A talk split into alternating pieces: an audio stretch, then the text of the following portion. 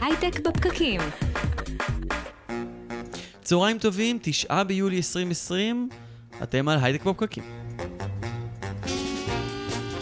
צהריים טובים חברים, אנחנו כאן איתכם בהייטק בפקקים, 102 FM, מדברים על יזמות, סטארט-אפים, טכנולוגיה והעתיד.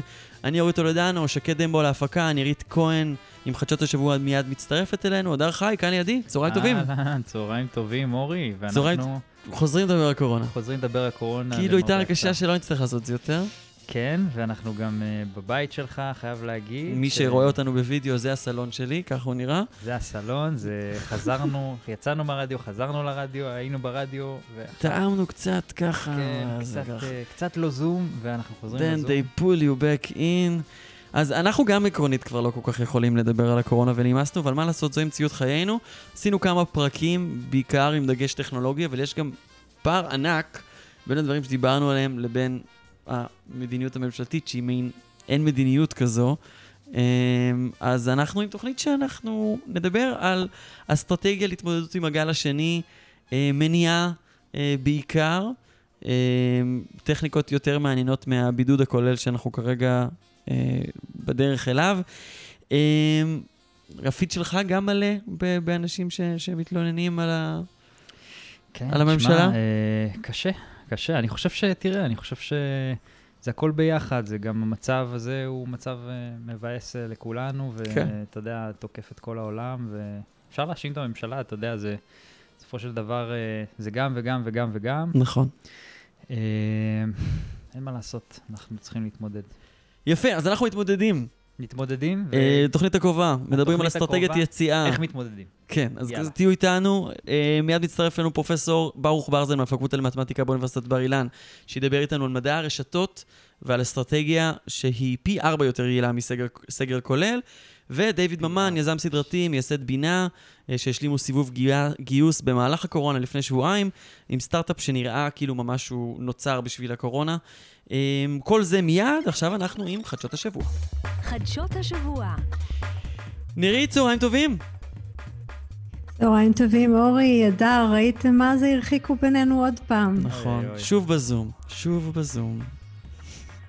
אה, אז מה, מה קרה השבוע בהייטק? אז האמת היא שאני למדתי השבוע מונח חדש אה, מעולם של פשעי הסייבר, BEC, Business Email Compromise. מה זה אומר? אה, אתה- אתם מכירים, נכון? את המיילים האלה שאנחנו מקבלים אותם, שעושים לנו פישינג, מנסים שנכניס כן. לשם מידע וכולי.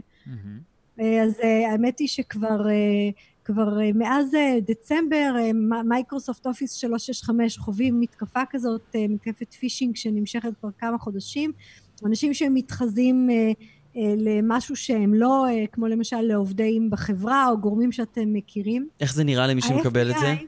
סיפר שב-2019 אה, 1.77 מיליארד דולר הלכו לאיבוד דרך פשיעה מהסוג הזה, וואו. במילים אחרות אנחנו מקבלים את המייל. כן. לוחצים על הקליק, מכניסים איזה משהו ומישהו מצליח להעביר כסף ממקום למקום אחר. שזה אגב מחצית מפשיעת הסייבר של אה, 2019. אוקיי. אז אה, זה, זה אולי לא, לא חדשות. הסיפור המעניין של השבוע היה שמייקרוסופט אה, החליטה להילחם בדרך ככה קצת אה, יוצאת אה, דופן, והיא הלכה לבית משפט במסגרת תביעה אזרחית, קיבלה אישור לתפוס שלישה, שליטה בשישה דומיינים, כן, כתובות מהמם. רשת, שמהם הפעילו את רוב הפישינג נגד לקוחות החברה, שמות שמתחילים במייל או באופיס וככה נראו מוכרים, כן. יפה. אחלה טריק. כן. מעניין, כן, אבל הם נמצאו צריך דומיינים אה, חדשים. את זהו, זה- אה, זה כאילו, אחרת. אז אבל בסדר, להיזהר, אז- אגב, הרבה מאוד מהמיילים האלה הם הגיעו, אפרופו קורונה, על, אה, על טקסטים של קורונה. למשל, חלקם בתקופה האחרונה הופיעו עם אה, הודעות אה, אה, שקראו לעצמם אה, הבונוס של הקורונה. לא תפתח. לא. קודם כל, נשמע עכשיו עכשיו אני. בטח לא נשמע אפתח. טוב מדי. ו- וגם, יאללה, דבר אחרון שאני רוצה לשמוע עליו עכשיו זה שוב קורונה. לא, אבל גם לא, בונוס בקורונה? זה, אם כבר זה? פיטורים החברה בקורונה. מחלקת כסף. מה כן. פתאום, איזה. חברה מחלקת Too good כסף? to be אורי true. לא מכיר בונוסים של קורונה. לא, לא, לעצמאים אין בונוסים. כן, אז זהו, אז זהו, ששכירים הם, הם מרוצים מהדבר הזה. טוב, אז אם אנחנו כבר בענייני סייבר וגנבת מידע, אנחנו הרבה פעמים אה, מדברים אה, על סין בהקשר אה, של הנושא הזה, כל מיני מוצרים של הסינים. אז הפעם זה סיפור על איך סין שומרת עצמה מפני דווקא גישה לא רצויה של אחרים אליה. אז סין פיתחה מחשב PC חדש, mm-hmm. מקומי, יצור מקומי מלא. כן. גם המעבדים, מערכת ההפעלה, כל החלקים כולם סינים. הממשלה מייעדת אותו לשימוש אה, במשרדי ממשל והמפלגה עצמה, מתוך מחשבה שזה נותן לה באמת שליטה ועצמאות של אה, מערכות המידע שלה. מייצרת את זה בחברה בבעלות המדינה, עם קו ייצור של מאה אלף יחידות בשנה, שלי זה לא נשמע הרבה. כן. והיה שם באמת גם טקסט על ציפייה לייצר 500 מיליון בעשר שנים. אה, אני חייבת להגיד ש... אה, לדבר על מחשב PC במונחים של עשר שנים נשמע לי קצת משונה, לך תדע איך אנחנו נראה בעוד עשר שנים, אבל בכל מקרה יש פה דיון ב- שלם סביב איכות המעבד ומערכת ההפעלה. אין ספק שהמגמה המעניינת זה המשך של מגמה של עצמאות של סין מתלות בטכנולוגיות זרות, אה, וכנראה גם הם יודעים מה הם יודעים לעשות לנו, אז הם מנסים להימנע שיעשו להם את אותו דבר. Mm, כן. כן. ושוב אנחנו רואים את המדינות קצת יותר מתבדלות אה, תחת אה, אווירת ה... לא גלובליזציה של הקורונה. כן. אמ, כן, זה נראה כאילו סין ממש אומרת uh, את הדברים שאני עושה לממשלת ארה"ב, אני לא רוצה שהיא תעשה לי בחזרה. נכון, זה ממש נכון. זה. זה, זה באמת היה מעניין בעיניי שרוב הדיון דווקא בנושא הזה התעסק בלהסביר למה המחשב לא טוב, אבל אני חושבת שזאת באמת לא הפואנטה. כן, יש פה גם בכלל משהו שהוא ברמה הכלכלית נורא... הוא, הוא מדהים, זה משק אוטרקי. כאילו מספקים את כל ה... התוצרים של עצמם, מעבר לזה שזה מדיניות, שזה ההפך משוק חופשי אה, וההפך מסחר גלובלי, זה כאילו בראייה של, של כלכלה גלובלית זה, זה חריג, אנחנו ממש הולכים אחורה. ואם אנחנו מסתכלים על מגמות, זאת אומרת, אפרופו שיחתנו פה לפני כמה שבועות על uh, טראמפ שעצר את הרילוקיישן לארצות הברית, כן. Uh, תופעות מהסוג הזה. זאת אומרת, לאט לאט אתה מסתכל על מגמות. אנחנו צריכים להבין ש, שמשהו קורה באזור הזה של העולם הגלובלי, כן. ואנחנו כן. בהגדרה המדינה שכל השווקים שלה אה, הם נכון, גלובליים. זה נכון. משהו, משהו להסתכל עליו ולחשוב מה עושים איתו. לגמרי. כן. זה בעיה בשביל ישראל. ידיעות okay, אוקיי, נוספות, נרית? יש, כן, עוד משהו אחד ש... אה, שאלתי את עצמי בהתחלה אם הוא מעניין ואני עדיין חושבת שהוא מעניין. אז קודם כל אה, בארץ אנחנו חווינו דרך הקורונה יש אנשים שמעולם לא עשו רכישות דרך האינטרנט בטח לא של אה, מזון מצרכים וכולי ועכשיו אנחנו מכירים את זה כבר. בארצות הברית אה, מהמיתון של 2007-2008 ובעצם יצירה של הגיג איקונומי נולד משהו שקוראים לו כלכלת הסגורים the shut in economy. אנשים שבעצם אה, כל המוצרים מגיעים אליהם לדלת לא בגלל קורונה אנחנו מדברים על עשור כבר. כן. אה, ויש שם הרבה מאוד אפליקציות שאתה יכול להזמין כל דבר. עד כדי כך אתה יכול להזמין כל דבר שאתה יכול להזמין את המצרכים, והבן אדם שמביא לך את המצרכים גם יכניס לך אותם לארון, יסדר לך את המזווה, יש לך סירים על, על, על השיש ויצא לפני שידעת שהוא היה שם. אז זה ככה כיוון שבארצות הברית אה, רואים אותו, אצלנו עוד לא הגיע. אחד הדברים המעניינים שקרו בתקופה הזאת אה, זה אובר. אז קודם כל קורונה, כל, ה, כל השימוש במודל הסעות אה, ירד משמעותית. כן. ואובר הודיעה השבוע שהיא מצטרפת בכל מה שקשור לשירותי הזמנה של מזון ממסעדות וסופרים. הם התחילו בעצם השקעה כבר באוקטובר של חברה מצ'ילי מעורבת במיליון הזמנות מזון בחודש, רובם בדרום אמריקה וקנדה, mm-hmm. אבל הם השבוע הודיעו על עוד רכישה אה, של חברה חדשה בשם פוסטמייטס, שמה שאהבתי זה שהם מגדירים את עצמם, אנחנו שולחים כל מה שעולה לכם על הדעת, אנחנו נביא לכם, זה פחות או יותר היה הזווית שלהם. אז, mm. אז זה ככה מעניין. כיוון אה, שרואים איך חברות מנסות לגוון כן. את העולמות שלהם ולעשות עוד דברים, אה, והנה דוגמה. ונירית, אפשר שאלה אישית? תמיד. איך את מסתדרת עם הגל השני עכשיו? Uh, הנה אנחנו בזום. נכון, שזה הרבה פחות uh, כיף, ו... צריך להגיד. איך היה לנו כיף לחזור לאולפן? כן, לגמרי. זה, כן, אני לא, אני לא אגיד שאני אוהבת את הזום, אבל אני יכולה להגיד לך משהו אחד, uh, זה שבעצם אנחנו רואים שהארגונים התרגלו. זאת אומרת, אם בגל הראשון הרבה מאוד מהעבודה פשוט נסגרה, אמרו, סגרו הרבה מאוד פעילויות, עכשיו אנחנו פשוט רואים העברה יותר... אה, פשוטה של פעילויות ממפגשים לזום וקצת פחות ביטולים. בסוף נתרגל למסכים, לא בטוחה שזה דבר טוב, אבל עכשיו אני מחכה לחדשה על ה-virtual reality שעובד ואפשר באמת אה, להרגיש כאילו אנחנו באולפן. אני בהרגשה, תגידי לי, תגידו לי אם גם אתם באותה הרגשה, ש, שדווקא ההייטק מין מרגיש כזה, אוקיי, למדנו, אנחנו כבר יודעים, יש לנו איזושהי שגרת עבודה מסוימת, ודווקא אני לא רואה אנשים דרמטיים במיוחד, אלה שיותר משתייכים לסקטור של ההייטק, אבל בסקטורים אחרים, אירועים, מסעדות, זה פשוט נראה להם כבר מין, מה, מה עכשיו? אתה יודע, אורי, זו נקודה מאוד מעניינת. שמעתי השבוע אה, במסגרת שיחות ששומעים כל יום אה, אה, עם אנשים שפוטרו או בחל"ת, בחור צעיר, לדעתי 27, שסיפר, שבעצם דיבר על, על דמי אבטלה. ושאלתי את עצמי, כי הוא אמר, בחרתי, שאל אותו המראיין, אז למה אתה לא עושה שינוי? הוא אמר, בחרתי כיוון, ואני אמרתי לעצמי, אתה תבחר עוד הרבה כיוונים. כל שנתיים שלוש תצטרך לבחור מחדש, זה העולם. כן. אני חושבת שאתה מעלה נקודה מצוינת, ההייטק מכיר את העולם של השינוי ואת הפיבוט ואת הצורך להיות אדפטבילי, mm-hmm. פשוט יותר מאשר תעשיות אחרות. וכשאתה בהייטק זה ברור לך שיש הסתברות מסוימת למשהו שייכשל. שאתה תעשה הרבה אה, דברים גם שונה בעבודה חדשה. אבל גם התנאים הם יותר בעד, בעד ההייטק. א', שיש מרג'ן uh, קצת יותר רחב של רווח, וגם, כן, יותר קל לעשות הייטק מהמחשב מהבית, מאשר שקל אה, לפתוח מסעדה, שבאמת אה, שם האפשרויות קצת יותר מוגבלות. אני לא חושבת אבל שזאת השיחה. אני חושבת שהשיחה היא רגע שנייה אחת לא מדברת על לפתוח מסעדה, אלא על הרעיון שאתה כאילו הקמת פעילות, mm-hmm. וזה לא אומר שאתה נצמד אליה כן, עכשיו, וזה כן, לא אומר כן, יש שזה הדבר ב... היחיד שאתה יש תעשה. יש משהו אבל בתחום של אה, אירועים, מסעדות, שזה איזשהו משהו שאתה מפתח במשך הרבה שנים, אתה משקיע בו, אתה, אתה כל כולך בתחום הזה, קשה לצאת מזה, הרבה יותר מאשר ש... אה, קשה לעבור בין, אה, לא יודע, תפקיד של product אה, לתפקיד שיווק, לצורך העניין. יש משהו ב... זה, זה, זה, זה עולם, זה תחום. יש הרבה אנשים שמדברים שהם לא הבעלים של המסעדה. יש הבדל נורא גדול אם אתה הבעלים של המסעדה, זה כמו להיות הבעלים של הסטארט-אפ וההחלטה לסגור אותו, זה לא אותה שיחה כמו להיות מועסק במסעדה או מועסק באולם אירועים ולהגיד, אני יכול ללכת לעשות עכשיו עוד משהו. איך יראו עכשיו אירועים בשנה הקרובה. זאת אומרת, הרי זה לא שאתה מתחתן עוד מעט ואתה יושב פה ואומר, כן, חתונה, לא חתונה. מקווים באמת שאירוע משמח גדול, כן. אז, אז בסוף, בסוף אנחנו נמצא דרך, או אנחנו נקבל החלטות איזה אירועים אנחנו כן עושים ואיך עושים אותם אחרת. אמ, פשוט תסתכל באומץ בעיניים לשינוי ולהגיד יש דברים שלא יחזרו והממשלה לא תציל אותנו. טוב, אמ, אז, אז מה, אחריות אישית? ככה אני יכול לסכם את מה שאת אומרת?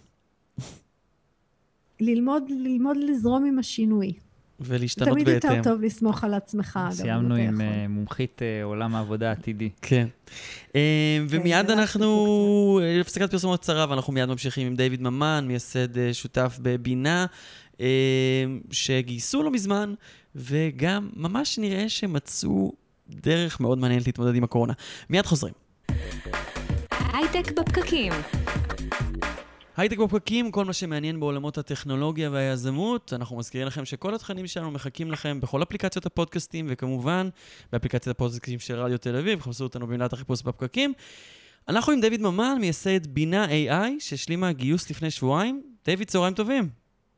חג שמח. חג, חג גיוס שמח. חג גיוס. חג עצמאות כלכלית שמח.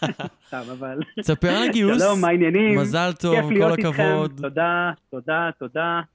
אתה רואה? התחלתי את התהליך שהיה לי שערות, כמו שאתה מבין. בסדר, אז, אז כל שערה נמכרה במחיר יחסית גבוה. אז ספר לנו מה גרם להורדת השערות. מה זאת אומרת? שיחות עם משקיעים. מה אתם עושים? מה אתם עושים? מה אנחנו עושים? אה, חברת בינה פיתחה טכנולוגיה ממש ממש מגניבה, ממש עובדת, יש לנו כבר כמה מיליוני משתמשים שמשתמשים בה, שבעזרת כל מצלמה, מצלמה על מכשיר נייד, מצלמה על, היום גם על מחשב, מצלמה על כל כמעט מצלמה, אנחנו מצליחים לדלות מיצבים רפואיים, כמו דופק, חמצן בדם, עכשיו חמצן בדם הפך להיות סיפור מאוד מאוד גדול בגלל קורונה, תכף נדון בזה, אבל חמצן בדם, קצב נשימות, HRV, אה, מצב מנטלי שהבן אדם נמצא בו, או בת אדם, כמובן, MeToo, וגם עכשיו בדיוק מסיימים לחץ דם, רמת המוגלובין, עובדים על טמפרטורה, מוסיפים עוד ועוד ועוד מיצבים, ואת כל הדבר הזה הוא נארז ועובד באמת על כל טלפון כמעט, אייפון, אנדרואיד, אפילו ווינדוס היום זה כבר עובד, ועוד ועוד ועוד. על בסיס המצלמה אתם בעצם יודעים לנתח מדדים של בן אדם. עכשיו, מה, מה עם הקורונה? אתם נוגעים בנושא? אז uh, אנחנו קורונה? יותר מנוגעים, כי כאילו, אז קודם כל אנחנו לא הפצנו את הקורונה, למרות כמה אנשים שחושבים כך. זהו, עדיף לא לגעת בהקשר הזה. בדיוק, אני זוכר שהייתי בן 11, אז פעם, בן 11 לא הייתי בן 9, פעם ראשונה שמעתי על וירוס שתוקף את המערכת החיסונית, ואמרתי, איך אני לא חשבתי על זה? כן, אבל נעבור רגע לעניין. Uh, קורונה בעצם, אתם, הרי ברור לכולם שהיום בדיקות הקורונה הופך להיות בעצם איזשהו מין תחרות כזו. איזה מדינה עושה כמה בדיקות ביום, כמה בדיקות קורונה עשינו, לא, הם עקפו אותנו, לא, יוון... ואף אחד לא רוצה להיות איטליה, עכשיו אף אחד לא רוצה להיות ישראל, כזה. בדיוק, אף אחד לא רוצה להיות ישראל, אוטוטו זה אף אחד לא רוצה להיות, אתה יודע, אה, מדינות אחרות, אבל הנקודה היא פה שמאוד מעניינת שברוב המדינות מערכת הבריאות הגדירה מה שנקרא טריאז', איך אנחנו בודקים אפיון ראשוני לבן אדם שחושש אולי שיש לו סימפטומים לקורונה. אז המצב האידיאלי, אם היה אפשר לכולם לשלוח בדואר בתוך עשר דקות מבחנה קטנה שתיתן לו תשובה תוך שלושים שניות אם יש לו קורונה בעלות אפסית, זה היה מושלם. היה מפסיק בעצם התהליך הזה.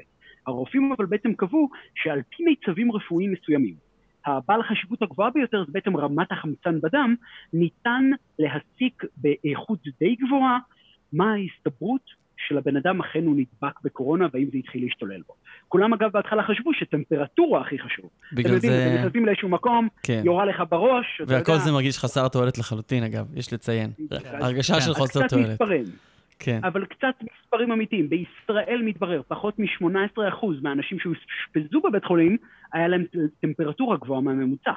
בניו יורק, מתוך 5,700 איש שאושפזו במצב קשה כבר בבית חולים, רק 29% היה להם טמפרטורה מעל הממוצע. וואו, אז הדבר הזה לא כזה עושה משהו.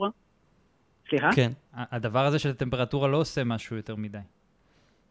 כן, טמפרטורה אין ספק שכבר הגוף שלך נכנס כבר לאיזה מוד, אבל ברגע שאתה נחשפת לחולה קורונה, או אתה חושש שאתה חולה בקורונה, הגוף שלך מדבר בפני עצמו.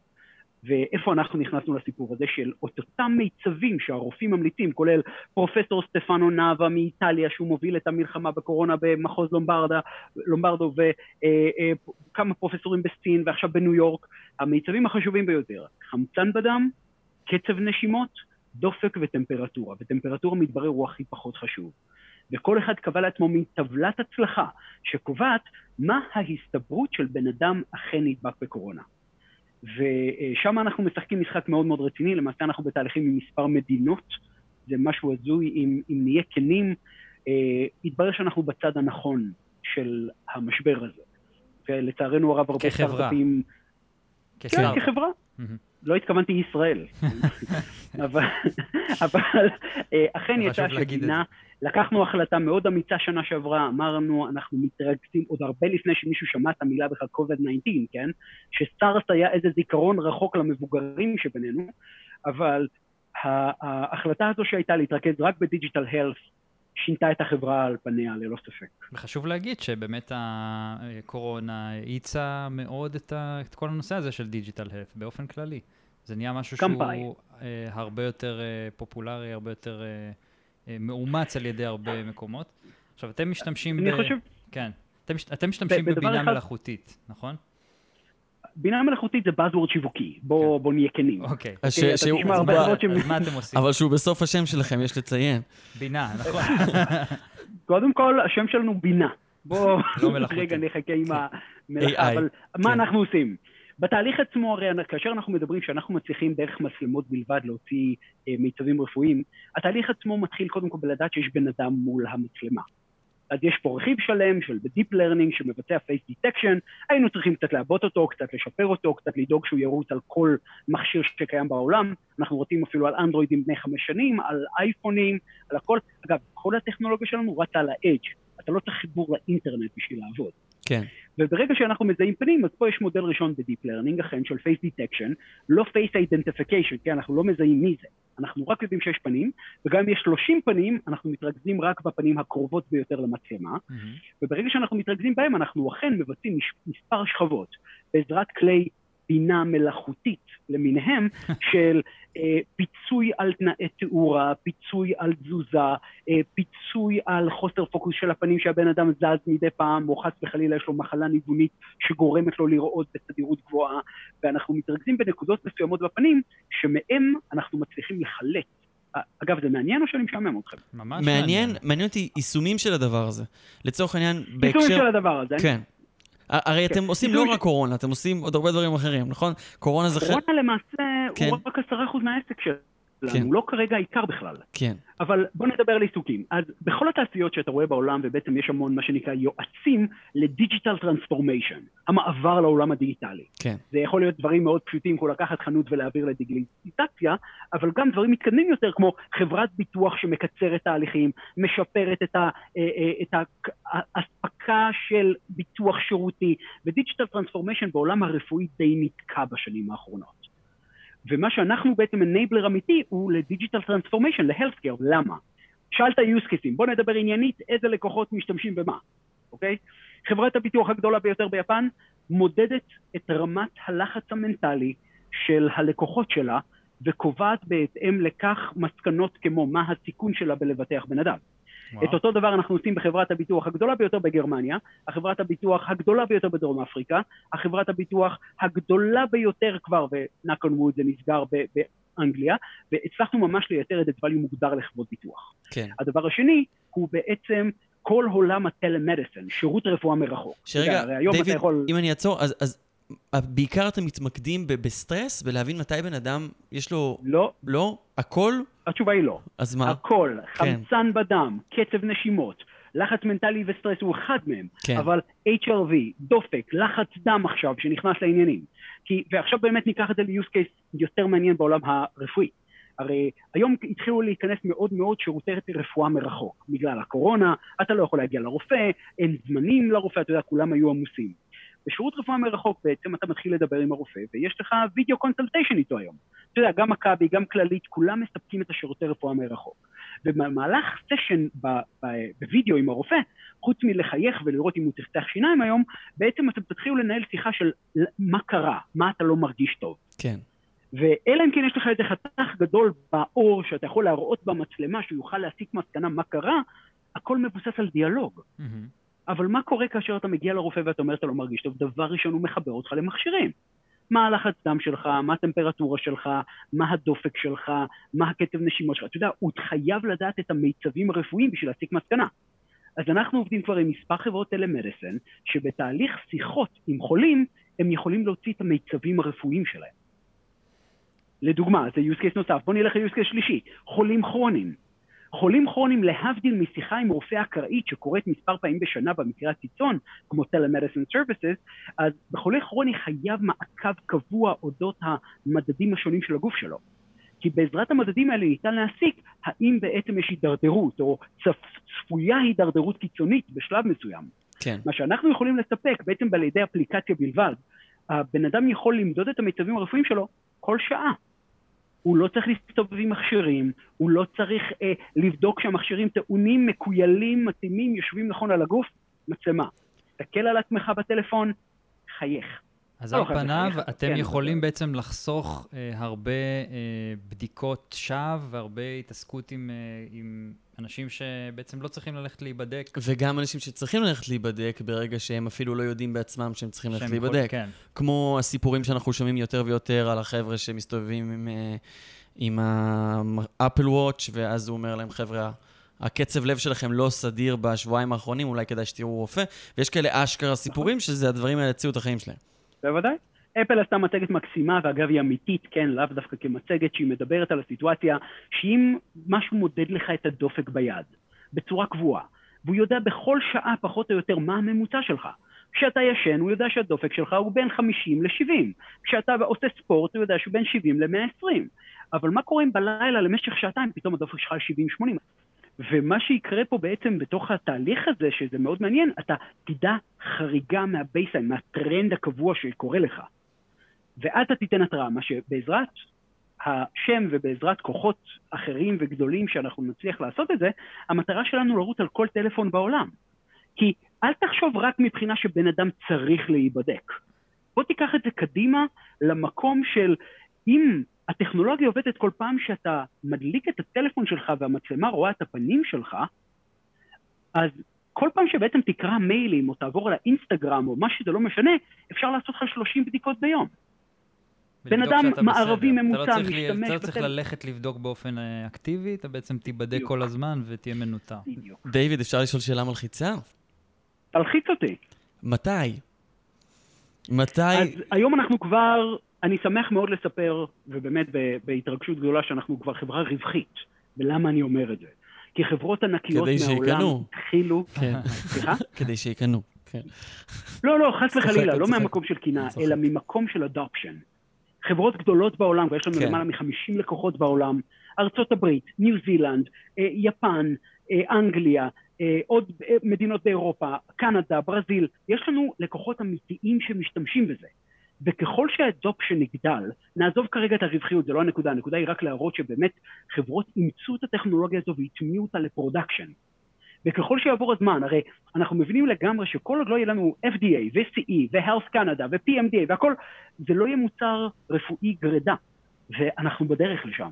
כבר הוגש ל-Health Canada בקנדה, הוגש לשרפה בדרום אפריקה, אנחנו בתהליך ל-FDA, אנחנו ללא ספק הכל יהיה מוצר רפואי, עם כל המשתמע בכך. דיוויד, איזה עוד דרכים אה, יש אה, מלבד אה, המוצר שלכם? איזה טכנולוגיות אתה רואה אה, שעוזרות אה, לנצח את הקורונה, מה שנקרא, להתמודד איתה? איזה דברים אתה רואה שבאמת אה, בעיניך הולכים אה, אה, לטפל לנו בבעיות שאנחנו מתמודדים איתן כעת, ואתה יודע, וגם לעזור בהתמודדות, לא בהכרח חיסון אה, מיידי, כמו דברים כמו שאתה, אתם עושים, בדיקות, דברים בסגנון הזה.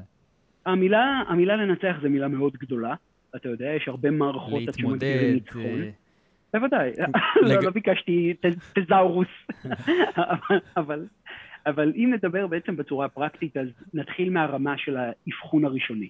יש כמה חברות מאוד מעניינות, כמו ביון ורבל לדוגמה, שמזהים קצב לב שהוא בעייתי, שהם רואים בעצם בעיות בנשימה. הם עובדים על אקוסטיקה, כן? אתה צריך שהטלפון יהיה קרוב לחזה אחת לפרק זמן, ומזהים בעצם זיהויים כאלה.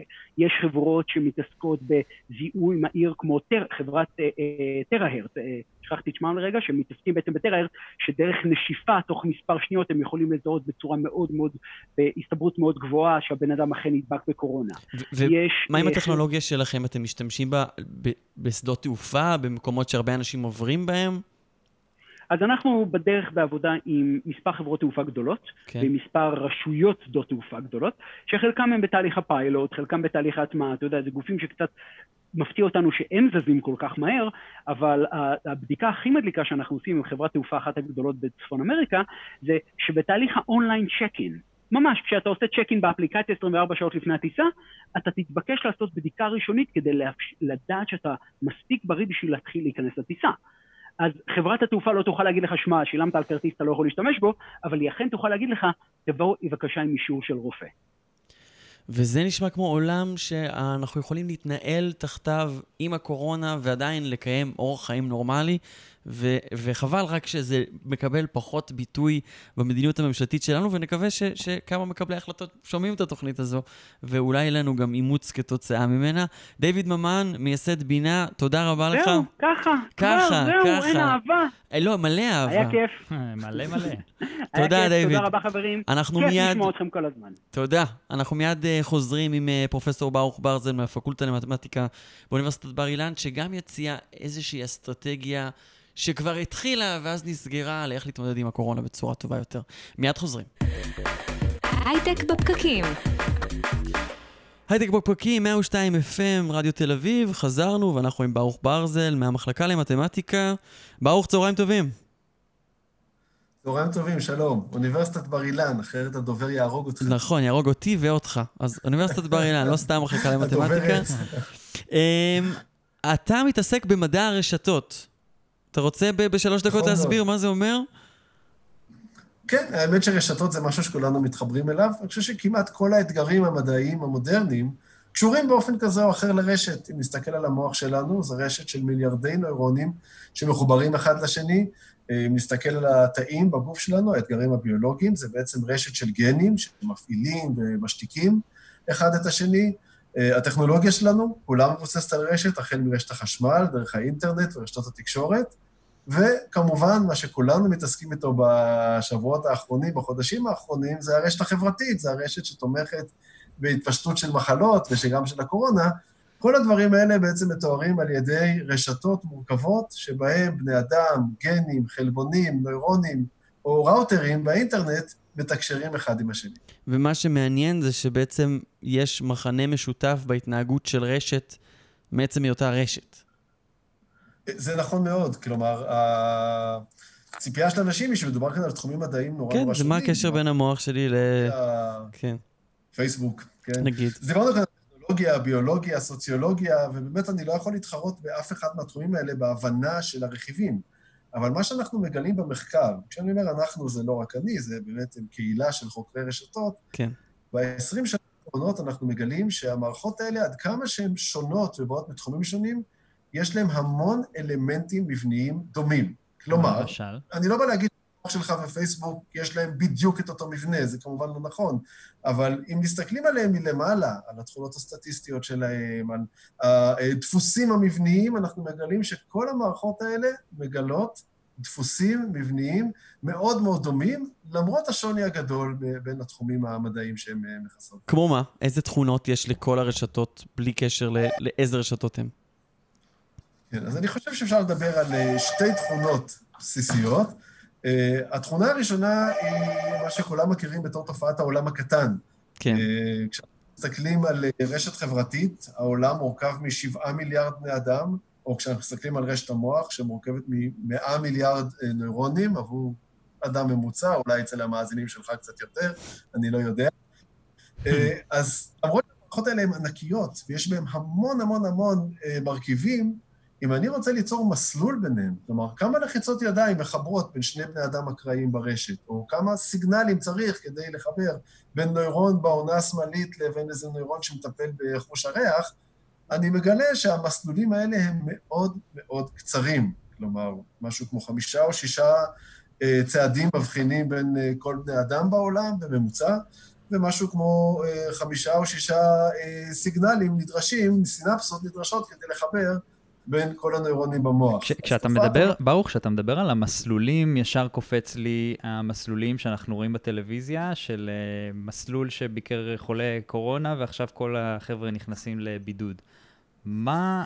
אה, לחלוטין, לחלוטין. זה, מה זה... הקשר פה? כי בסוף, בסוף גם זה רשת אחת גדולה של אנשים שנפגשים אחד עם השני ולוחצים ידיים, ויש יש בטח איזשהו מדע מאחורי זה שאתם אה, בודקים. ואפשר אולי להכניס פחות אנשים לבידוד אולי, אם אתה, אם אתה מנהל את זה. נכון. בוודאי, כלומר, קודם כל, קודם כל מה שאתה אומר כאן זה שנכון, המסלולים הקצרים האלה, חדשות מצוינות לווירוסים. כלומר, אם אני, מת- אם אני מתעטש, אז כל בני אדם בישראל, ואפילו כל בני אדם בעולם, נמצאים במספר קטן מאוד של התעטשויות או השתעלויות אה, ממני. אז כן. כן. המסלולים הקטנים, קודם כל חדשות טובות אה, לווירוסים. תכף נדבר גם על החדשות הרעות לווירוסים, אבל זה בהחלט קשור. אלה המסלולים שעליהם מתפשטת אינפורמציה ברשת. אינפורמציה יכולה להיות אימייל שמדלג מצד לצד, יכול להיות סיגנל חשמלי שרץ בין נוירונים, ויכול להיות גם וירוס שמטייל אה, בין בני אדם. אז אה, בהקשר הזה, סופר ספרדרס, אז אה, מה הם סופר ספרדרס על הרשת? כן, מצוין. אז התכונה, אתה מביא אותי לתכונה השנייה של רשתות. שוב, תכונה שאנחנו רואים אותה לא ברשתות חברתיות ולא ברשתות מוח, אלא בכל, כמעט בכל הרשתות שאנחנו מודדים את המבנה שלהן, זה העובדה שהן מאוד מאוד לא שוויוניות. כלומר, אם אני למשל מסתכל על פייסבוק, השאלה הראשונה שאני שואל זה כמה חברים יש לי. נכון. ביולוגיה, אני לוקח גן ושואל כמה גנים אחרים מתקשרים עם הגן הזה. בהקשר של אה, אקולוגיה, אני לוקח בעל חיים ושואל כמה בעלי חיים אחרים יש להם איזשהו קשר אקולוגי, טורפים, נטרפים, או באיזושהי אינטראקציה עם בעל החיים הזה, אני מגלה שכמעט כל הרשתות בטבע הן סופר סופר הטרוגניות, כן. מאוד לא שוויוניות. יש להן מיעוט קטן של צמתים מרכזיים שמחוברים לפי עשרה, פי מאה, פי אלף יותר צמתים מהצומת הממוצע, ומרבית המרכיבים ברשת הם פריפריאליים, הם קטנים, יש להם מעט מאוד חברים, בואו נאמר את זה ככה, רק כדי לסבר את האוזן, לפגוש אה, בן אדם שמקושר לפי אלף יותר חברים מהממוצע, או חלבון שמקושר לפי אלף יותר חלבונים מהממוצע, זה כמו ללכת ברחוב ולראות מישהו בגובה של שני קילומטר. זה כמה חריג הדבר הזה. כן. זה כאילו, אם, מדבר אם ישירות. במקום גובה של... הרי גובה של אנשים זה התפלגות טבעית. אז אם הייתה נכון. התפלגות אה, אי שוויונית אה, גם בגבהים, אז היינו הולכים ברחוב ורואים בן אדם שהוא שני קילומטר. אז ככה זה נכון, רשתות. המילה, המילה שאתה אומר היא התפלגות, כמה התאמצתי לא להגיד אותה, כי רדיו וזה והמאזינים המילה. ההתפלגות של הרבה מאוד תופעות בטבע היא התפלגות נורמלית, כזאת התפלגות שמתנהגת יפה, יש לה קצת שונות, אבל כולם פחות או יותר סביב הממוצע. הבן אדם הכי גבוה בעולם, הוא לא הרבה יותר גבוה ממני, הוא שניים וחצי מטר, משהו כזה. כן. עכשיו חושבים שאני נורא גבוה, אבל אני בסך הכל מטר שמונים, אבל לא חשוב. אה, לעומת זאת, הבן אדם הכי מקושר בעולם, הוא יכול להיות בסדרי גודל יותר מקושר ממני, אה, והדבר הזה עבור הווירוסים גם חדשות מצוינות, כיוון שהצמתים האלה, הסופר מקושרים, הם גם הסופר ספרדרס שלנו. אז- הם הראשונים שהווירוס מגיע אליהם, והם גם אלה שמפיצים אותו בצורה הכי יעילה. אז אם אנחנו לרגע ניקח את הקורונה ונשים אותה בצד, כמו שאני ממש רוצה לעשות כבר חצי שנה, אבל הקורונה לא מאפשרת לי. אמ, ונגיד נדבר על אה, שיווק באינפל... כ- עם אינפלואנסרים, עם אנשים שיש להם כן, זה ממש ויראליות, אתה הרבה יודע. עוקבים באינסטגרם וכאלה, בפייסבוק, אז זה זה, זה נכון? כמו שמוצרים מתפתחים, אתה יודע, בסוף מוצרים זה גם סוג של מגפה, איזה, אתה יודע, אני קראתי פעם ספר אה, גודין. של אה, אה, מלקולם גלדוול. אבל כן, זה כן, נקודת המפנה. tipping point, ו- כן. ויש שם כמה אנשים point, כן. שהם, אה, כן, שהם, שהם אלה ה super spreaderים האלה, שהם, אה, הוא הזכיר שם את Hush Puppies. שכאילו, זה התחיל מכמה חבר'ה שהם קצת אנרכיסטים כאלה, שהלכו עם הנעליים, והם היו ה super spreaderים שבסוף הפיצו את זה לכל העולם. כן. ואני חושב שיש פה גם תופעה שמאוד מזכירה אה, ויראליות ושיווק, גם בהקשר של הווירוס, ממש ככה. כאילו, יש את האלה שמפיצים אותו באופן אה, זה, שהם אלה שמקושרים, שהם אלה שהולכים, שהם אלה שאולי לא שומרים על ההנחיות כל כך, אה, והם אלה שמדביקים את כולם. בגלל הקשרים נכון. הרבים שהם יוצרים עם הרבה מאוד אנשים. הווירוס הוא בעצם אינפורמציה, ה- נכון? ואנחנו בעצם מעבירים... נכון, הווירוס הוא אינפורמציה. הווירוס, אינפורמציה. הווירוס הוא אינפורמציה שעוברת ברשת, אינפורמציה גנטית, כן. זה ממש אינפורמציה. שאדם מעביר לשני, מבחינת הווירוס, אנחנו ערוצים להפצת האינפורמציה הגנטית שלו. כאן צריך לומר אולי אה, שני דברים. נתחיל מהאופטימי. האי שוויון הזה ברשת הוא מצד אחד חדשות מאוד טובות לווירוס, כן. הוא גם חדשות עבורנו, כי אם אתה רוצה לחסן את הרשת, ואתה צריך מובילציות באמצעים, אז אתה יודע בדיוק לא את הצמתים שכדאי לטרגט. כלומר, יש לזה גם חדשות טובות עבורנו, בתור כן. אנשים שיודעים לבנות את הרשת ולהבין, להגיד, אוקיי, בעצם אם 80 אחוז, סליחה, אם 20 אחוז מהאנשים תורמים ל-80 אחוז מההפצה, סוג של חוק פרטו כזה, כן. אז יכול לצמצם 80% אחוז מההפצה אם אני מחסן רק 20% אחוז מהאנשים.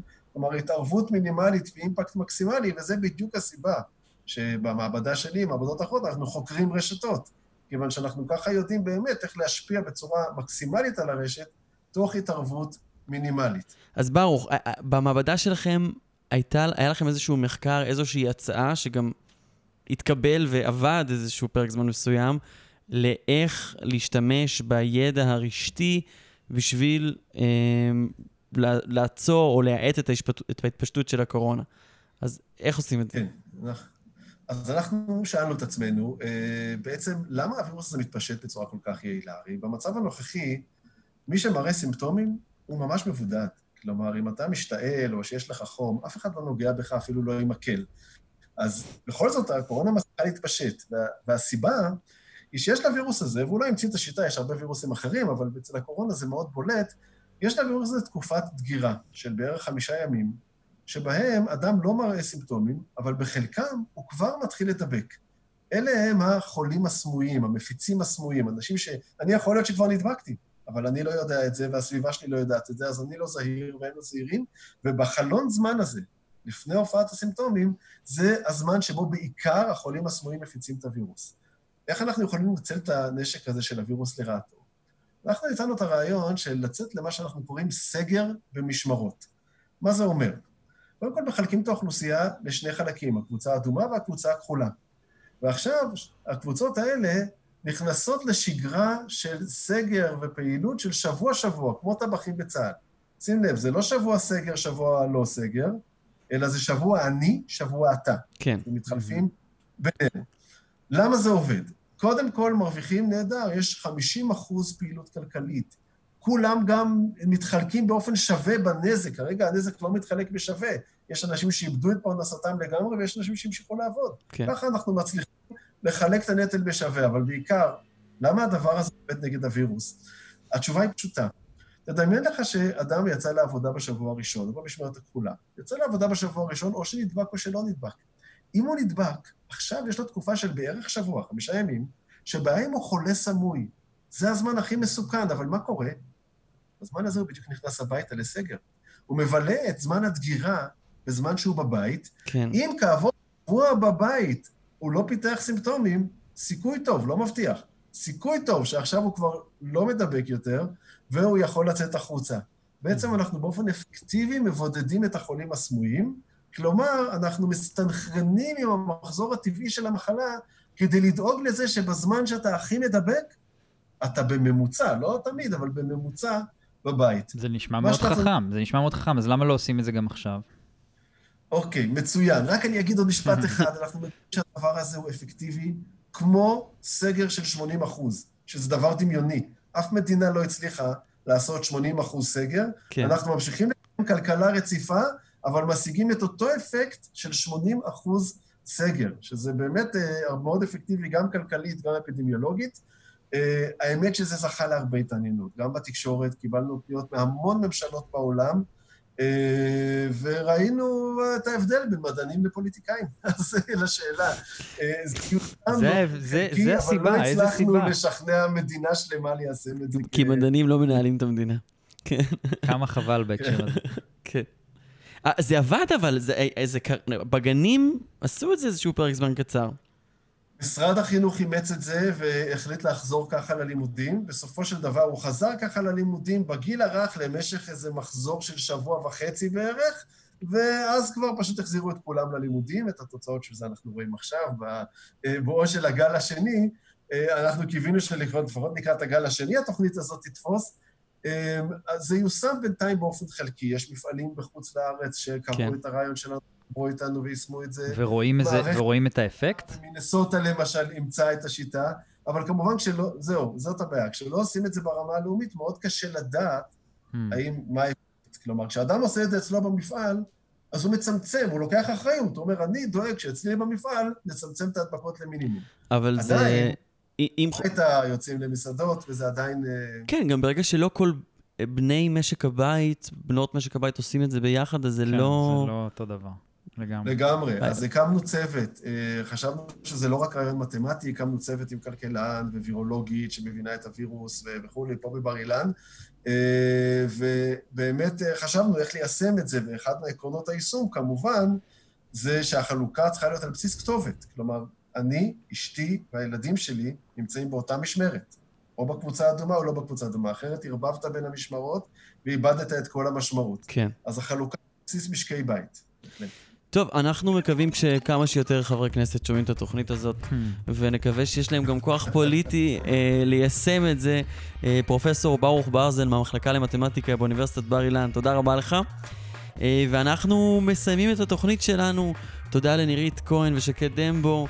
אה, תודה להדר חי שהיה כאן איתי באולפן, שהוא בעצם הסלון שלי. תודה לאורי שאירח אותי בסלון שלו.